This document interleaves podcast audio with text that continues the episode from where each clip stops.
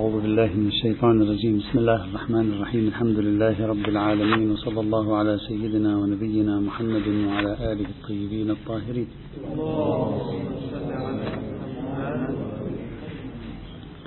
ما زال كلامنا في موضوع المفردة أو المفهوم الأول الذي تنبني عليه تصورات الفقه الإسلامي والاجتهاد الإسلامي بمسألة التعليل والتعدي عن النص والعبور من النص إلى حكم ليس مذكورا في النص وما شابه ذلك وهو مفهوم الحكمة. تكلمنا عن هذا المفهوم في سياقه الإمامي طرحنا بعض النظريات علقنا على بعض النظريات دور الحكمة في التعميم دور الحكمة في التخصيص. توقفنا أيضا بعض الشيء عند نظرية المحقق الداماد في أن الحكمة تعمم ولا تخصص.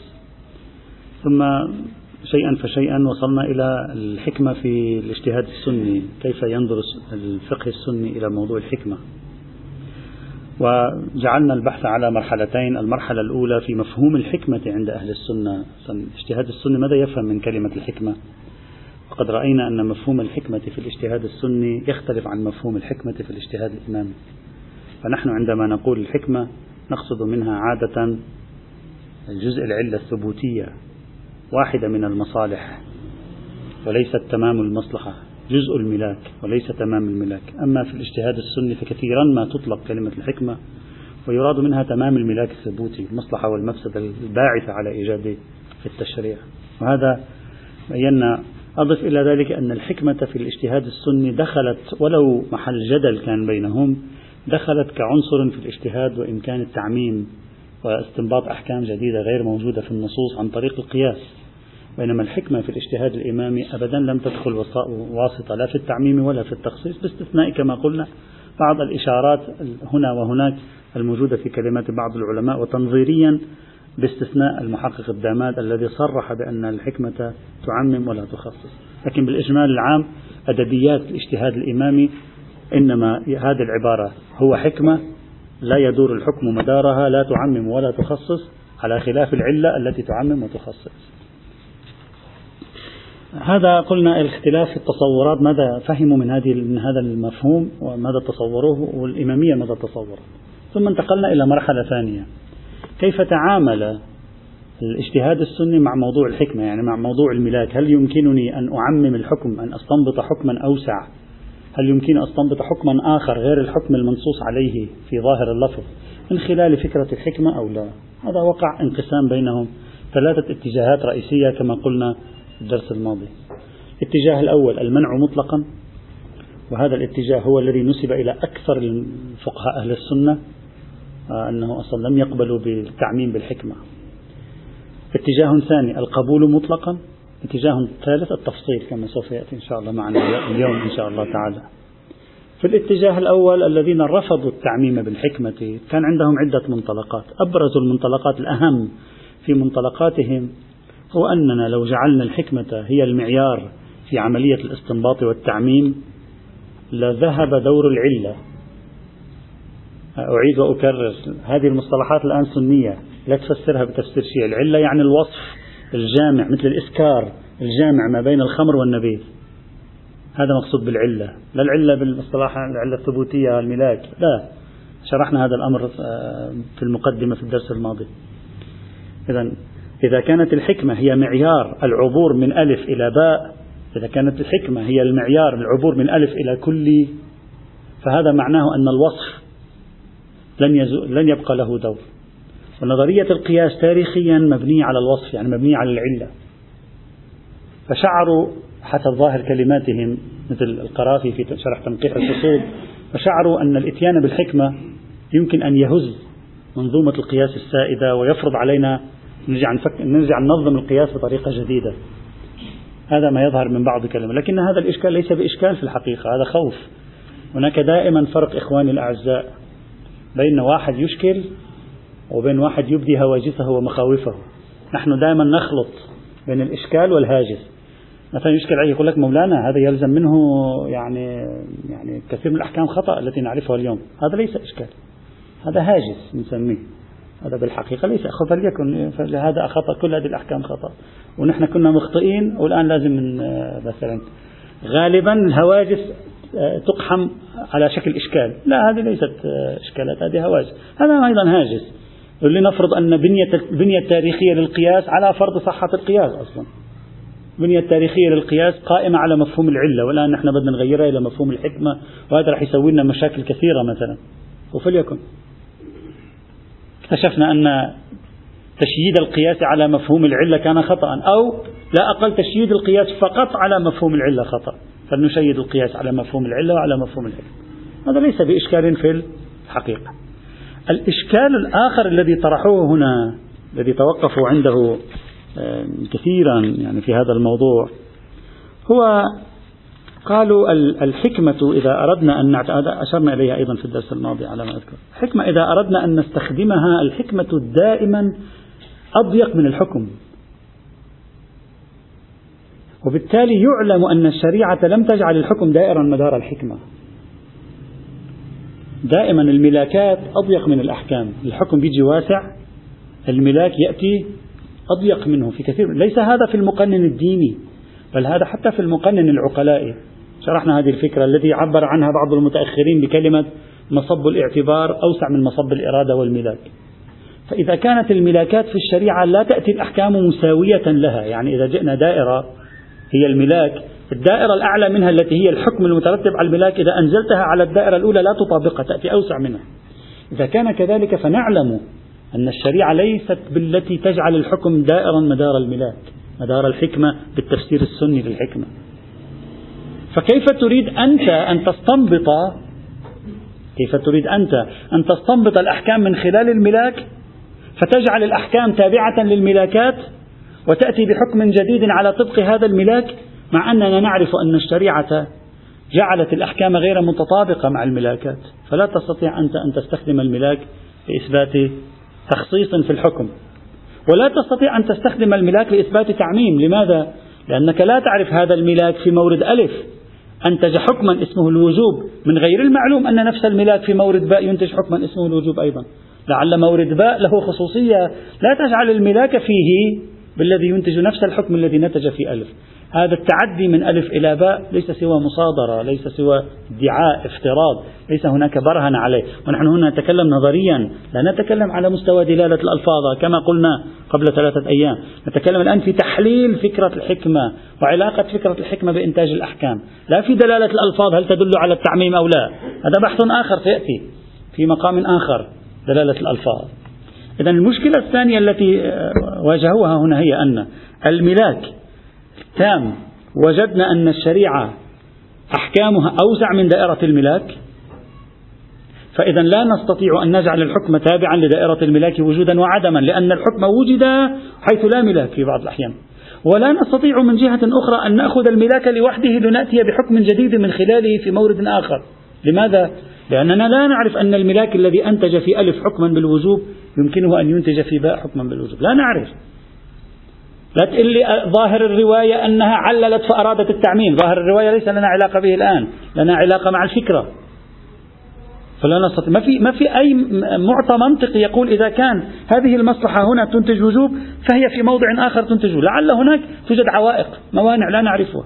وإن كان الملاك ينتج في موضع ما. فإذا بناء عليه تحفظوا قالوا لا لا نستطيع. نحن هكذا على بضرب مطلق أن نقول آه، الأحكام إذا كانت تابعة للملاكات من حيث أصل جعلها فهي تابعة أيضا للملاكات من حيث سعتها وضيقها من حيث الوجود والعدم. هذا كان الاتجاه الأول تحدثنا عنه في الدرس الماضي أيضا. الاتجاه الثاني. الاتجاه الثاني قال يمكن التعليل بالملاك يعني يمكن التعليل بالحكمة مطلقا. وأهم شخصية انتصرت لهذا الاتجاه هو الآمدي. إحنا هذا البحث الآن أنت ستصوره خاص لأهل السنة. بعد قليل سترى هو أصلا بحث مستقل. أنت تطرحه في الاجتهاد الإمامي أيضا لأن ما له علاقة بالقياس كما سنرى. الآمدي قال لا عفوا ليس الآمدي الرازي الرازي عفوا الآمدي الرأي الثالث. الرازي فخر الدين الرازي قال لا نستطيع أن نعمم. إذا كان هذا الحكم تابعا لهذه الحكمة فأستطيع أن أصدر حكما ثانيا في موضع آخر إذا كانت هذه الحكمة موجودة فيه. مطلقا. لماذا؟ لأن الظن بكون منشأ هذا الحكم هو هذا الملاك. والظن بوجود هذا الملاك في موضوع في مجال آخر في باء يورث الظن بوجود الحكم في باء. والظن حجة في باب الفروع. على قاعدة حجية الظن في الفروع. هكذا. حتى الظن عند الفخر الرازي يكفي هنا يكفي هنا. الظن بأن X هو الحكمة من وراء حكم الوجوب في ألف والظن بأن X موجود في باء. يورث الظن بأن حكم الوجوب موجود في باء أيضا كما كان موجودا في ألف والظن في باب الفروع حجة فينبغي أن نستنتج من ذلك حجية الحكم حجية الإفتاء بوجود هذا الحكم في باء ببركة التعليل بالحكمة. عللت أنا من خلال الحكمة من خلال الملاك الثبوتي التام حسب تعبيرنا. هذا الرأي ليس فقط آه، الرازي صريحا في كتاب المحصول قاله بل نسب إلى الكثير من المالكية أيضا. هكذا المعروف وهذا هو المعيار. ولهم حجة في ذلك. هؤلاء احتجوا. قالوا احتجوا على القائلين بالقياس. قالوا لهم أنتم أصلا واحدة من الطرق الأساسية التي تعرفون فيها العلة في القياس. ما هي؟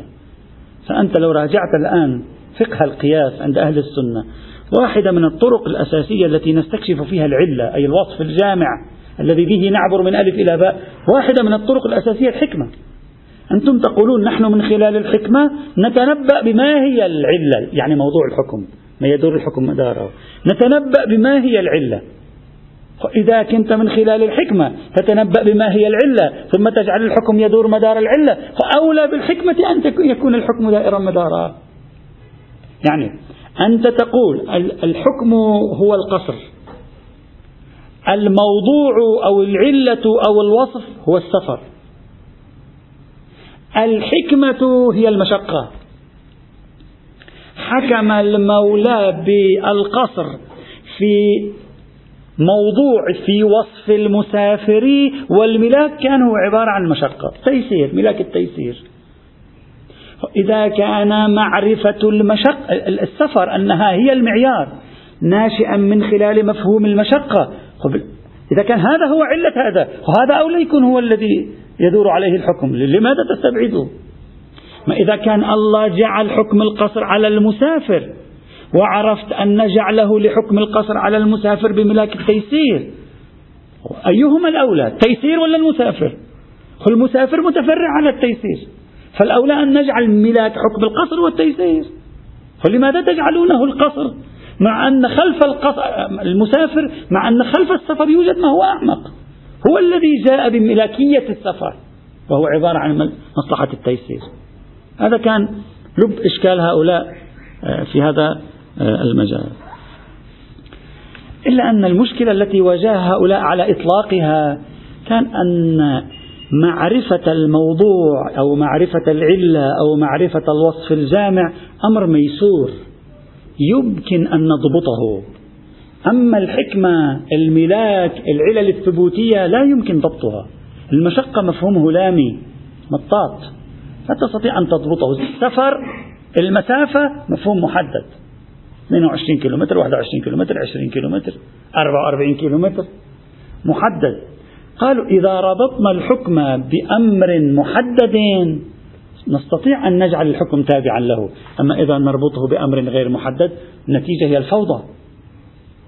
سيحدث فوضى حينئذ.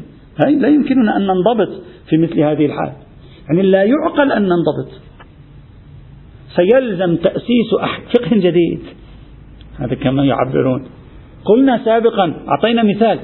قلنا إذا كان العدة عفوا حد الزاني. وهذا مثال ليس من عندي هذا مثال من القرافي في شرح تنقيح الفصول. إذا كان الحد على الزاني بملاك أن الزنا يؤدي إلى اختلاط الأنساب فإذا الحكمة هي المنع من اختلاط الأنساب. الحكمة من وراء جلد الزاني موضوع اختلاط الأنساب. يعني إذا جاء شخص في المستشفى نيرس في المستشفى جاءت وضعت طفل مكان طفل أدت إلى اختلاط الأنساب. هل نفتي على أساس معيارية المصلحة؟ هل نفتي بأنه تحد حد الزاني؟ هذه المرأة التي وضعت الطفل الذي في رقمه عشرة وضعته في هذا الجوفاز هذا اللي رقمه تسعة وضعت تسعة في عشرة. قال هذا غير معقول. أنتم لو مشيتم مع موضوع التعليل بالحكمة لن تجدوا إلا تأسيس فقه جديد. يعني ستجد عالم ثاني من الفقه.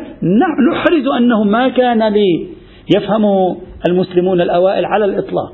لذلك ينبغي عليكم أن تسدوا هذا الطريق تلغوا لنا هذا موضوع التعليل بالحكمة إطلاقا آه، بأي شكل من الأشكال. هكذا أشكلوا عليهم هكذا آه، قالوا لهم في هذا المجال. هؤلاء اعترضوا. الفخر الرازي قال لا لماذا تصورون القضية هكذا مخيفة؟ في بعض المواضع يمكننا معرفة الحكمة تامة. في بعض المواقع في بعض المواضع الأمر ميسور ليس القضية مفتوحة على احتمالات كثيرة. والفخر الرازي يقر يقر بأن التعليل بالحكمة موارده أقل من التعليل بالعلة والوصف موارده. لأن تحصيل الملاك التام صعب هو يقر بهذا. هو يقر بأن تحصيل الملكات التامة صعب على خلاف الصورة التي نحن نتصورها.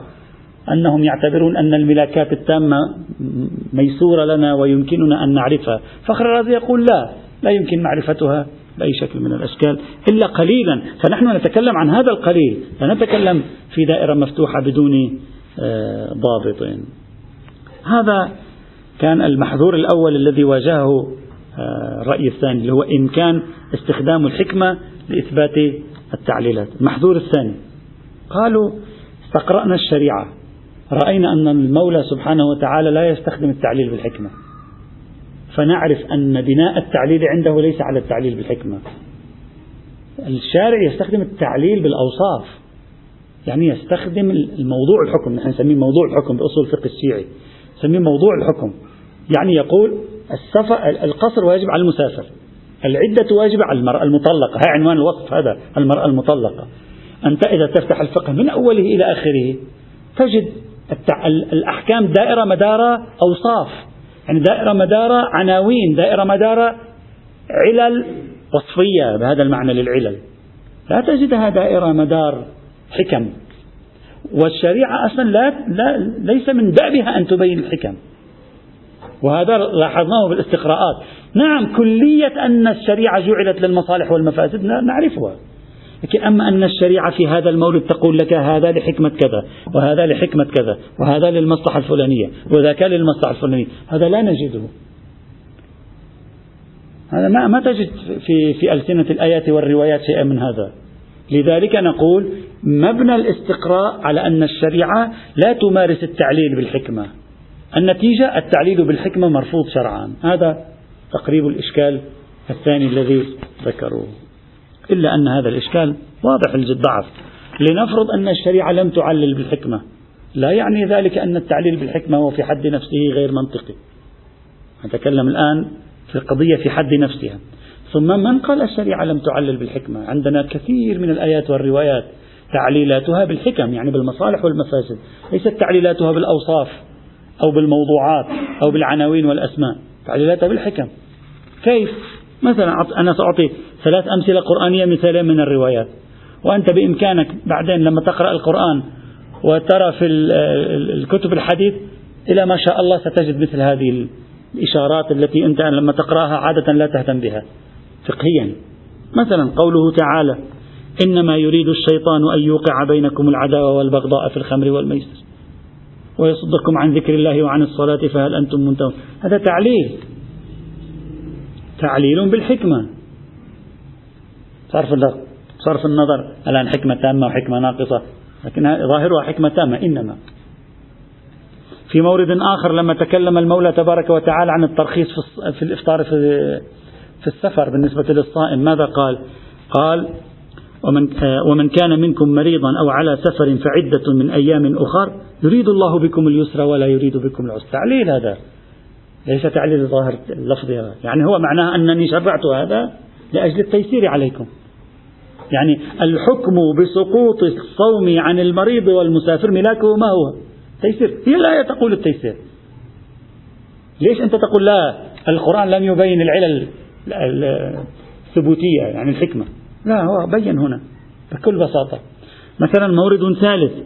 يا أيها النبي قل لأزواجك وبناتك ونساء المؤمنين يدنين عليهن من جلابيبهن. ذلك أدنى أن يعرفن فلا يؤذين. فهذا أيضا تعليل بالحكمة. يعني هذا الحكم الذي شرعته لكم لكي لا تؤذى المرأة. هذا تعليل بالحكمة. لماذا تقول لا لا يوجد تعليل بالحكمة أبدا؟ ومقتضى استقراء الشريعة لا نجد أن الشريعة بناء على التعليل بالحكمة. هذا من نوع التعليل بالحكمة. مثال آخر في الروايات. وهذه مروية في كتب السنة وبعض قليل من كتب الشيعية.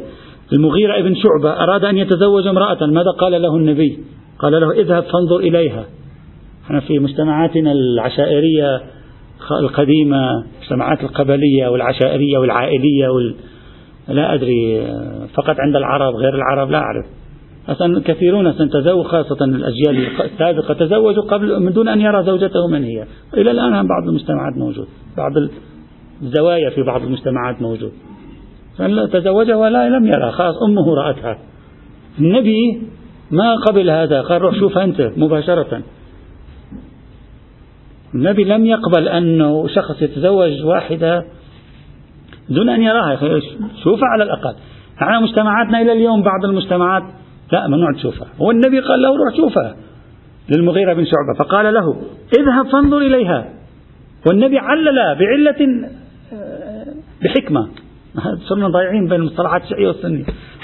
والنبي ذكر الحكمة هنا يعني الملاك. قال فإنه أحرى أن يؤدم بينكما. يعني بكل بساطة. يعني إن رأيتها يوجب ذلك المواءمة بينكما. أما إن لما ما رأيتها بعدين تجي تشوفها أنت وانطباع الأول عن شكلها يعطيك إيحاء معين يمكن هذا يؤدي إلى حاجز نفسي بينك وبينها لا اجعل هذه الرؤية أولم فيما بينك وبينها. أكثر في تحقيق التوافق لأن هذه الأمور مؤثرة في إيجاد التوافق بين الزوجين. وهذا تعليل بالحكمة وليس تعليل بوصف. مش مثلا ما لم يقل له اذهب فانظر إليها فإنها امرأة هذا تعليل بوصف. أو فإنها شابة هذا تعليل بوصف. هذا ليس تعليل بحكمة. لكن لما قال له فإنه أحرى أن يؤدم بينكما تعليل بحكمة. رواية أخرى أيضا وردت بطرق متعددة شيعية وسنية بصيغ متقاربة. حول الشخص الذي يوصي أو يتبرع بأمواله للفقراء والمساكين يوصي بالثلث هنا والثلث هناك وعنده أولاد صغار لا يهتم لأمرهم. النبي ماذا قال؟ قال لو أعلمتموني أمره هذا شخص توفي قالوا له فعل ذلك.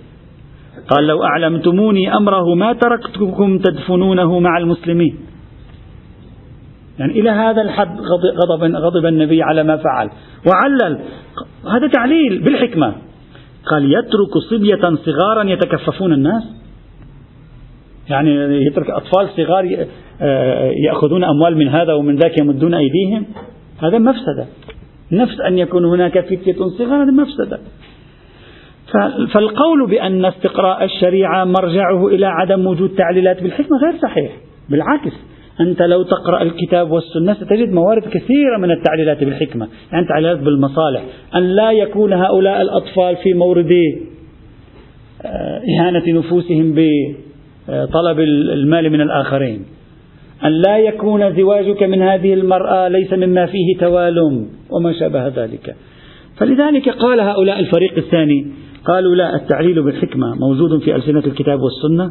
التعليل بالحكمة. لا ندعي بأنه واسع التطبيق نقر بأن مساحته محدودة لكن نقول يمكن أن نعتمد عليه ولا مانع منه. وبالتالي في كل مورد تقوم أنت بإجراء قانوني يؤدي إلى أن يصبح أطفالك الصغار يتكففون الناس هذا هذا مرفوض شرعا. في كل حالة تكون فيها الزيجة مما يوجب يعني قبل الزواج مما يوجب نوعا أن لا يكون هناك توال بين الطرفين. يمكن نقول بناء على كلام النبي نقول ندعو الزوجين الخاطبين إلى أن يجلسا مع بعضهما قبل الزواج ويتكلما. النبي تكلم عن النظر. يمكن واحد يقول لك بملاك الحكمة ندعوهما أن يجلسا مع بعضهما ويتفاهما ويتكلما في أمور الدنيا بحيث يفهم الأحدهما الآخر فيعرف هل تأتي هذه الزوجة على مزاجه أو لا تأتي وتعرف هي هل يأتي هو على مزاجه أو لا. هذا الرأي الثاني آه الذي قال بإمكان الأخذ بالحكم والبناء عليها في التعميم أو في التعليل بشكل عام تعميما وغير تعميم. إذا هذا الرأي الأول مبرراته الرأي الثاني مبرراته الرأي الثالث وهو في تقديري هو الأهم. وهو القول بالتفصيل وهو الذي ذهب إليه الآمدي. تبعه عدد قليل. آمدي قال الحكمة على نوعين. في نوع منها يعني الملاكات الثبوتية على نوعين. في نوع منها يمكن أن تكون أساسا في عملية التعليل. وفي نوع ثاني لا يمكن أن تكون أساسا في التعليل. كيف؟ قال الحكمة إذا كانت هلامية غير منضبطة غير ظاهرة هذه ليست أساس في التعليل لا تهمنا. الحكمة إذا كانت واضحة منضبطة قابل لأن يبنى عليها قانون لأن هي منضبطة في حد نفسها فهذه نستطيع أن نعلل فيها. وبهذا الرأي التفصيلي نحل جميع المشاكل. التي طرأت على الرأي الأول وعلى الرأي الثاني. هذا باختصار عصارة ما طرحه الآمدي فيما يتعلق بموضوع التعليل. لذلك قال قال أما إذا كانت الحكمة ظاهرة منضبطة غير مضطربة فلأن أجمعنا على أن الحكم إذا اقترن بوصف ظاهر منضبط يشتمل على حكمة غير منضبطة بنفسها يصح التعليل به. وإن لم يكن هو المقصود من شرع الحكم. بل ما اشتمل عليه من الحكمة الخفية. فإذا كانت الحكمة وهي المقصود من شرع الحكم يعني هي الباعث على تشريع الحكم مساوية للوصف اللي هو العلة في الظهور والانضباط كانت أولى بالتعليل بها. هي التي أتت بالوصف. فإذا كانت وضوح الحكمة كوضوح الوصف يعني كوضوح العنوان كوضوح الموضوع انضباط الحكمة كانضباط الوصف كانضباط العنوان كانضباط الموضوع وهي تصبح هي أولى من العنوان في أن تكون هي المعيار. إذ الحكم جاء منصبا لأجلها وعليها في الحقيقة وإنما أخذ العنوان طريقا إليها أصلا لا أكثر ولا أقل. هذا ادعاؤه في هذا المجال. طبعا فكرة الآمد قائمة على مفهوم اسمه تساوي الحكمة والعلة في الظهور والانضباط. يعني هذه فكرة. وهذه هذه الفكرة يجب أن نسلط الضوء عليها. إذا كانت هذه الفكرة صحيحة وبنينا على التعليل بالحكمة الظاهرة المنضبطة فممكن أن يقول شخص قديما بعض الحكم ليست حجة في التعليل الآن ممكن تكون حجة في التعليل. هذه آه، افتح سمعك لي الآن لكي أقارب هذا الموضوع بطريقة تنسجم مع تطور المعرفة عند الإنسان. مثلا إذا قلنا المعيار الحكمة التامة في آه، العدة في الطلاق عدم اختلاط الأنساب. الحكمة التامة الملاك التام في موضوع العدد هو عبارة عن عدم اختلاط الأنساب. شخص ثبت لديه ذلك. الآن كيف ثبت؟ موضوع آخر. ثبت لديه ذلك. نقول هذه الحكمة عدم اختلاط الأنساب سابقا لم تكن منضبطة ظاهرة. ما كان ظاهرة.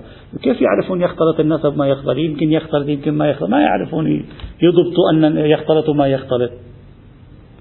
إذا يقول لهذه المرأة الآن بإمكانك أن تتزوج الرجل الثاني بعد شهر ونصف مثلا لنفرض أنه جاءها الحيض الأول فقال لها خلاص إذا جاءك الحيض الأول يعني أنت لست بحامل. فاذهبي تزوجي من زيد ولعله تكون حاملا وجاءها الحيض مثلا بناء على اجتماع الحيض والحمل كما بحثوه في باب الحيض. ونحن يختلط علينا الأمر. سابقا قديما ما كان لديهم ضابط في التوثق من أن المرأة هذه ليست حامل من زوجها الأول. الآن صار عندنا هذا الضابط. تجري عملية فحص طبي دقيق. فحص دم دقيق. تستطيع أن تعرف هي حامل أو ليست بحامل. نفرضها نفرض أن هذا الفحص حاسم واضح. إذا لم يعد هناك حاجة لموضوع العدة. لأن إذا كان الملاك هو عدم اختلاط الأنساب وكان هذا الملاك في الأزمنة الأولى غير منضبط غير ظاهر لنا لا نستطيع أن نتأكد منه بطريقة علمية دقيقة والآن صار ظاهر منضبط. فيلزم على كلام الآمدي يلزم على كلامه اليوم. فكرة العدة تنتهي. إما الشخص الذي المرأة التي لم تجري فحصا طبيا بعد طلاقها الأول عليها أن تعتد. والتي أجرت الفحص الطبي تبني على أساس الفحص الطبي. إذا لما نقول برأي الآمدي أن العلة الظاهرة المنضبطة معيار في التعميمات معيار في التعليلات ممكن حينئذ أن تكون بعض العلل سابقا ليست ظاهرة منضبطة اليوم صارت ظاهرة منضبطة. وبالتالي على معياره يلزم أيضا أن نمشي في هذه المسيرة حتى في باب إثبات النسب وتمايز الأنساب عن بعضها في الفحوصات الجينية مثلا. وهذا أم أيضا محدث بل أكثر من ذلك دعوني أقول لكم شيء أكثر من ذلك. مثلا شخص ادعى الآن كيف ادعى بحث آخر ادعى أن تمام الملاك في جلد الزاني وفي كذا وكذا هو الارتداع عن الزنا في المجتمع. هم ارتداع الزاني هم ارتداع المجتمع. وليشهد عذابهما طائفة من المؤمنين. هم ارتداع الزاني هم ارتداع المجتمع. جئنا الآن وطبقنا مسألة الجلد والرجم في المجتمع. وسوينا إحصاءات دقيقة تقول مع تطبيق الجلد في المجتمع نسبة الزنا مثلا 20% ثم أتينا بنظام بنظام عقوبات بديل. اليوم. نظام عقوبات بديل طبقنا هذا النظام على حالة الزنات. ورأينا أن تأثير هذا النظام على تقليص نسبة الزنا في المجتمع هو أن نسبة الزنا تصبح 5% إذا كان تمام الملاك يعني إذا كانت الحكمة من وراء التشريع سابقا ما كانت منضبطة. لأننا لا نستطيع أن نعرف كم شخص يزني وكم شخص لا يزني. ما كان عندنا لا علوم إحصاء ولا شيء. لازم نتأكد كل واحد بوحده زنى أو لم يزني. حتى نعرف كم هي النسبة في المجتمع اللي تزني وكم النسبة التي لا تزني. اليوم مع تطور علوم الإحصاء نستطيع أن نتنبأ بنسبة 99% أن النسبة الموجودة في المجتمع التي ترتكب هذه الفاحشة هي كذا والتي لا ترتكب هذه الفاحشة هي كذا. يعني أستطيع أن أتنبأ الآن أن هذه الوسيلة اللي هي الجلد هل تنتج الملاك أو لا؟ إذا وجدت طريقة أخرى أقرب لإنتاج الملاك بناء على رأي الآمدي اليوم أستطيع أن أعمل بها. بناء على الآمدي إذا قبل الآمدي أن تمام العلة في باب الحدود هو ارتداع الجنات وارتداع المجتمع وأستطيع أن أعمل بها حينئذ. ما المفروض أن الملاك الثبوتي التام يمكن التعميم والتخصيص من خلاله ولا أنا أعمم وأخصص من خلاله. إذا ما طرحه الآمدي وإن كان هو عمليا قلص كثيرا من نسبة التعليل إلا أنه بالنسبة إلينا اليوم بتطور العلوم الإنسانية يمكن أن يصبح ما ليس بظاهر منضبط ظاهرا منضبطا بفعل تطور قدرة الإنسان على اكتشاف الحكمة في الواقع. ليس إشكالا. أنا أشرحه. أنا أشرح فإذا بناء على كلام الآمدي ترتفع الإشكالات. أنتم قلتم لا نستطيع أن نعرف الحكمة. مفروضنا أننا نحدد الحكمة. قلتم الحكمة ليست منضبطة. مفروضنا الانضباط. قلتم الحكمة ليست ظاهرة. مفروضنا الظهور. غاية ما تشكل على الآمدي تقول له الموارد التي أنت تتكلم عنها في غاية القلة. سيقول لك الآمدي فليكن قليلا. لا مشكلة. فليكن قليلا. تفضل. الفخر الرازي لم يذكر قيد الانضباط. الفخر الرازي قال يمكن التعليل بالحكمة واعتمد على الظن. وبس تعتمد على الظن الظهور والانضباط حتى لو لم يكونا موجودين ممكن أن يجتمع معهما الظن. أما الآمدي لا لم يذهب إلى مرجعية الظن. ذهب إلى مرجعية وضوح العلة يعني تستطيع أن تحددها ما هي ومرجعية انضباطها على أرض الواقع. فقال إذا ظاهرة منضبطة نفس الدليل الذي استدليتم به على التعميم والتخصيص. بالوصف العلي تستطيعون أن تستندوا إليه على التعميم والتخصيص بالملاك العلي. بالحكمة نفس الشيء حينئذ هذا حسب رأيي. وبالتالي على نظرية الآمدي تصبح القضية أسهل بكثير وإن كان أقل تطبيقا بكثير. الآن انسى معي الاجتهاد السني. هذه كانت الصورة. أنت كل هذا البحث الذي طرحه الآن أنت اسأل نفسك سؤالا. ما هو دور الحكمة التامة يعني الملاك التام في الاجتهاد؟ شخص يدعي أنه أحرز أن X هو الملاك التام لجعل الحكم في ألف. ما هي ما هو النتيجة المنطقية؟ بصرف النظر عن ظهورات الأدلة. بصرف النظر الدليل ظاهر في التعميم مش ظاهر في التعميم ما يهمنا.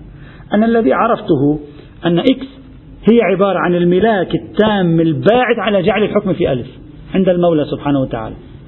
الملاك التام لا موضوع الحكم لا الوصف يدور الحكم مداره. الملاك الغاية من وراء جعل الحكم. هنا هل تقبل بتعميم العلة الثبوتية وتخصيصها أو لا؟ باصطلاحنا الآن العلة الثبوتية. العلة الثبوتية التامة هل تقبل بتعميمها وتخصيصها أو لا؟ في اجتهادنا في, في, في الاجتهاد الإمامي لما يقولون العلة تعمم وتخصص سيأتي إن شاء الله معنا بحث العلة. ليس كلما قالوا العلة تعمم وتخصص يقصدون الملاك. أبدا أبدا العلة تعمم وتخصص. لا يقصدون بالضرورة الملاك يقصدون مفاهيم قد تكون الملاك وقد تكون شيئا آخر كما سوف يأتي معنا الآن سؤالنا هل ما سماه الأصول الفقه السني بالحكمة وما يسميه الاجتهاد الإمامي بالعلة الثبوتية التامة؟ تمام الملاك لا تمام الموضوع لا تمام العنوان تمام الملاك. هل أستطيع أن أعمم وأخصص به أو لا؟ وهذا غير بحث القياس كما قلنا. القياس عبور من ألف إلى باء بواسطة وصف جامع. الآن عبور من ألف إلى باء بواسطة ملاك جاء ألف لأجله. لا وصف لا, لا يتصف ألف بشيء. بصفة نحن نذهب خلف هذه الصفة. هنا سوف أعطي آه، يعني موقف ترجيحي أولي لأننا عندما نبحث في العلة سوف ندخل في تفصيل هذا البحث. هنا قد يقال بأن الترجيح لصالح النتيجة التالية المؤلفة من خمسة أجزاء. أو خمس مقدمات باختصار أقولها بعدين سنبحث. واحد. يعني الملاك التام يمكن أن يكون مرجعا لنا في الاجتهاد. هذا خلاصة كلامي.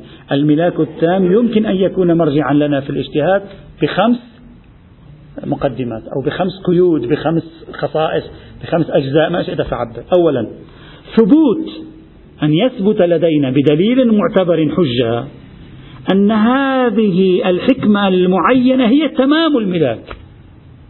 هذا لابد أن يثبت لك أنها تمام الملاك. لا طبعا. والمهم أن لا يك أنه لا يكفي أن يثبت لك أنها جزء الملاك. وهذه عملية معقدة ليست بسيطة بعدين سنة كيف أستطيع أن أثبت أن هذا تمام الملاك؟ هذه أول خطوة يجب أن تكون مفروضة. الخطوة الثانية ثبوت أن هذا الملاك أو هذه الحكمة إمكان معرفتها وإمكان ضبطها ميسورا يعني متوفرا.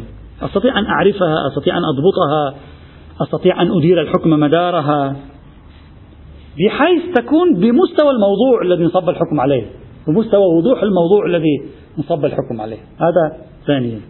ثالثا أن لا يكون في المورد خصوصية مانعة دل الدليل عليها. رابعا هذه العملية لا نستطيع من خلالها ممارسة التقييد لكن نستطيع من خلالها ممارسة عفوا هذه العملية نستطيع من خلالها ممارسة التقييد لكن لا نستطيع من خلالها ممارسة التعميم بعكس ما قاله أصول الفقه السني لماذا أقول ذلك؟ لأنني إذا عرفت أن تمام الملاك هو X واستطعت أن أجعله منضبطا أعرف أن المولى حكمه لا يتعدى X الآن أشرح فكرتي. إحنا عندما نقول مصب المصب الاعتبار أوسع من مصب الإرادة لماذا؟ مصب الاعتبار أوسع من مصب الإرادة لأن المولى يريد أن يضمن تحقق الملاك. فيجعل مصب اعتباره أوسع من مصب ملاكه.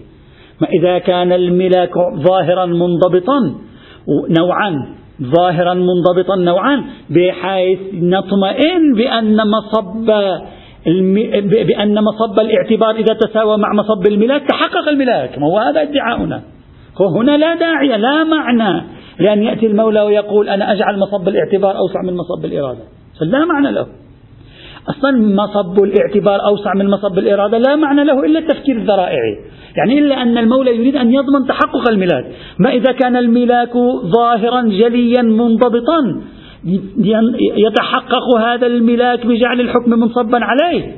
وخلاص انتفى موضوع توسع مصب الإرادة عن مصب الإرادة لا يحصل وثوق بانعقاد الإطلاق في الحكم حينئذ. متى يحصل لنا وثوق بانعقاد الإطلاق في الحكم؟ عندما يكون مصب الملاك أضيق من مصب الاعتبار الذي هو أوسع منه وليس الملاك بالذي يمكن أن نضبطه. نطمئن أننا حققناه. أما إذا صار الملاك بالذي يمكن ونطمئن أننا بإمكاننا أن نحققه ليس فرديا. بإمكاننا أن نحققه نوعان في مثل هذه الحال. لا معنى لسعة مصب الإرادة أصلا. لا يعلم أن مصب الاعتبار أوسع من مصب الإرادة. لا أنا سأعطي مثال. إشارات السير. نحن دائما كنا نقول المقنن يقول ممنوع أن تكون أنت تعبر إشارة السير حتى لو كنت متيقنا. لماذا ممنوع؟ لأن زيد سيظن نفسه متيقنا فسيعبر وعمر سيظن نفسه متيقنا بأنه لا يوجد أحد في الطريق وسيعبر. من مجموع هذه اليقينات سوف يحدث أخطاء. هذه الأخطاء لا نريدها. فالمولى يعمم الحكم كي يضمن تحقق الملاك. ما هو الملاك؟ عدم حدوث تصادم عدم تلف الأرواح عدم تلف الأموال. وهذا هذا سعة مصب الإرادة نسبة لمصب ضيق مصب الإرادة نسبة لمصب الاعتبار. طيب إذا أنا اليوم استطعت أن أضع جهاز عفوا GPS جهاز أستطيع أن أعرف من خلال الجهاز حتما لا يوجد أحد في الطريق. احتمالية أن يخطأ الجهاز 0.01 0.0001 بعشرة آلاف. في مثل هذه الحال هذا اتساع مصب الاعتبار نسبة لمصب الإرادة ينبغي أن يصبح لا معنى له. يعني حتى بالنسبة للمقنن العقلاء يصبح لا معنى له لأن هذا الجهاز يخبره بأنه لا يوجد أحد بحيث يشكل نسبة واحد في الألف تهديدا على السلامة العامة. ينبغي أن المقنن يغير. ما ندعيه هذا هنا. سابقا كان اختلاط الأنساب عنوان هلامي لا يستطيع أن يبني عليه. لذلك قال لهم العدة واجبة مطلقا. اليوم اختلاط الأنساب عنوان حقيقي نستطيع أن نضبطه وجودا وعدما. فلا معنى أن يقول العدة واجبة مطلقا. يقول العدة واجبة إن لم تجري تجروا هذا الانضباط. إذا معنى ذلك أن الملاكات التامة تستطيع التقييد لكن لا تستطيع التعميم. بعكس الذي يريده السنة. السنة يريدون منه التعميم لماذا لا نستطيع التعميم؟ لما قلناه سابقا. من أن تمام الملاك في ألف إذا كان ينتج حكما بالوجوب. لا يعلم أنه ينتج في باء حكما بالوجوب. ونحن لا نستطيع أن نعرف أسرار باء. بل على ما بنينا عليه من عدم وجود دليل على ثبوت شمول الشريعة ينبغي حينئذ أن ثبوت الملاك في باء. لا يلازم ثبوت حكم في باء. لا يلازم. محض وجود ملاك لا يعني أنه يوجد حكم. إلا إذا نفس الدليل كان ظاهرا في وجود الحكم في باء بملاك التعليل والتعميم. هذا بحث آخر. نتكلم في الشيء في حد نفسه. فإذا الخطوة الرابعة هذه العملية تقيد ولكنها لا تعمم. تماما بعكس ما أراده المحقق الدماد وتماما بعكس ما أراده الاجتهاد السني. النقطة الخامسة هذا الكلام كله أو هذه ذكرناها آه، تكرار يعني. هذا الكلام كله يجري في العلل التامة الثبوتية دون العلل الناقصة الثبوتية. وبالتالي هذا الذي نقوله الآن لا معنى له في الحكمة بتعريفها الشيعي. الحكمة بالتعريف الشيعي لها الحق فيها مع أصولي الشيعة الذين قالوا الحكم لا تعمم ولا تخصص لأن العلل الناقصة لا يمكننا البناء عليها هنا إطلاقا. هذا مشهد بحث العلة مفهوما وتوظيفا عند أهل السنة الأدلة والانقسامات تعليق مختصر بعدين هذا يجي في بحث الحكمة فيما يتعلق بمسيرة توضيحنا لمفهوم الحكمة في الاجتهاد الإسلامي. يأتي إن شاء الله تعالى والحمد لله رب العالمين.